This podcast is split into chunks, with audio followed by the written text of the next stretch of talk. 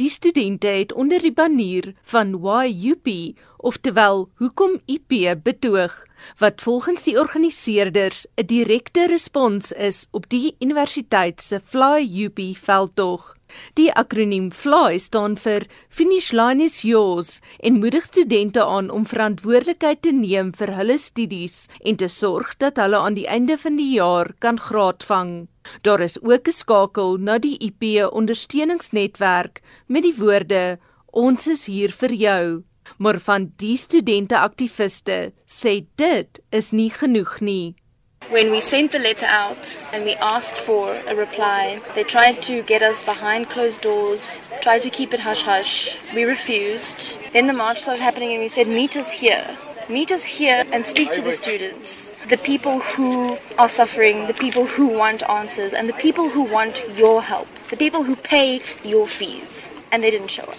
So, in fostering a community, in breaking the silence amongst ourselves, we succeeded. And I think that will have a ripple effect. But in terms of getting any sort of feedback, support, and a working relationship with the university, not at all. Meer as 200 studente en personeellede van Tukkies het aan die stil plakkaatbetoging op die Hatfield kampus deelgeneem.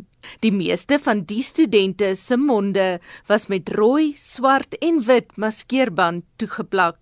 Volgens van die studente was hulle verbaas oor die relatiewe groot opkoms aangesien eksamentyd net om die draai is.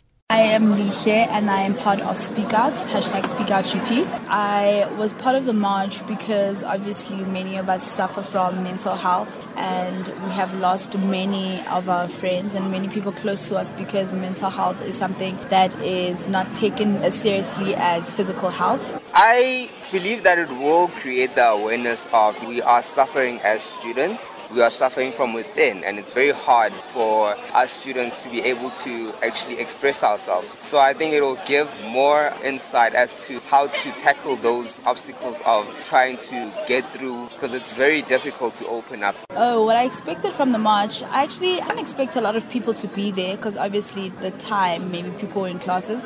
So I was actually quite happy with the turnout. Die organiseerders het 'n lang oop brief aan die universiteitsbestuur geskryf waarin hulle hul kwelpunte volledig uiteensit. Aangesien hulle weens vrees vir victimisering verkies om anoniem te bly, het die FSR president, Kwena Moloto, die gruwe voorgeles. The cost of mental health is a luxury many cannot afford. And the burden to seek psychological help cannot always be placed solely in the hands of the individual. The issues highlighted in this letter are a substantial indictment of the way that the university treats and prioritizes its students and staff in respect of mental health.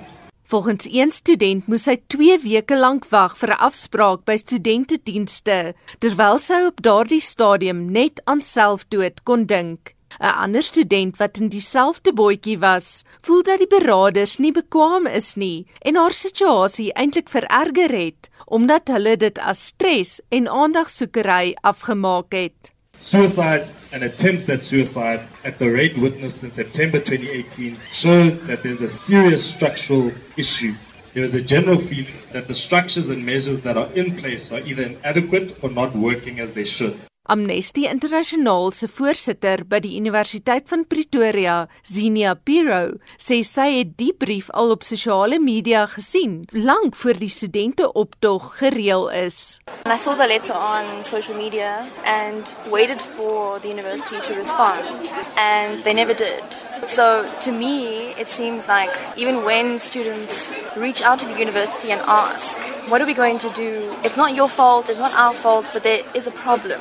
How can we fix it? And the university just ignores it. Is that a larger thing that the university is doing, saying that, okay, well, what you want from us doesn't matter.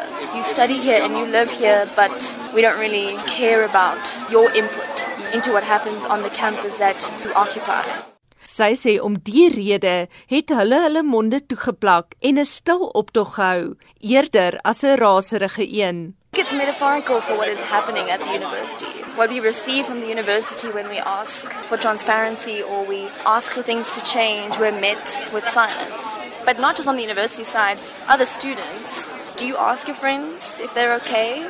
If a suicide happens on campus, we all just go, "Oh, that's really terrible," and then we just carry on with our lives. Maar Tikkie se woordvoerder, Siraj Ahmed, sê hulle het die klagtebrief ontvang en neem dit ernstig op. The university has acknowledged the concerns of its students and its staff members. You know, from our side, we deeply regret any loss of student life. For us, the loss of even one student life is one too many, and it pains our entire university community.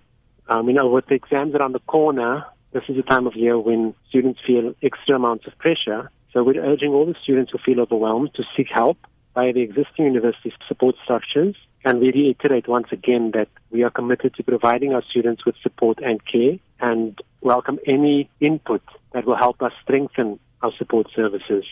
Dog sê 'n aktivis van die drukgroep Speak Out at UP, sy was teleurgestel dat die bestuur nie self by die betoging was om na hul gruwe te luister nie. I know a lot of people from management are saying they're trying to reach out to students, especially because of the suicides. So they did say they're trying to reach out to students, but they weren't there at the march. And so it like it makes me wonder if they're really trying or just saying it for face.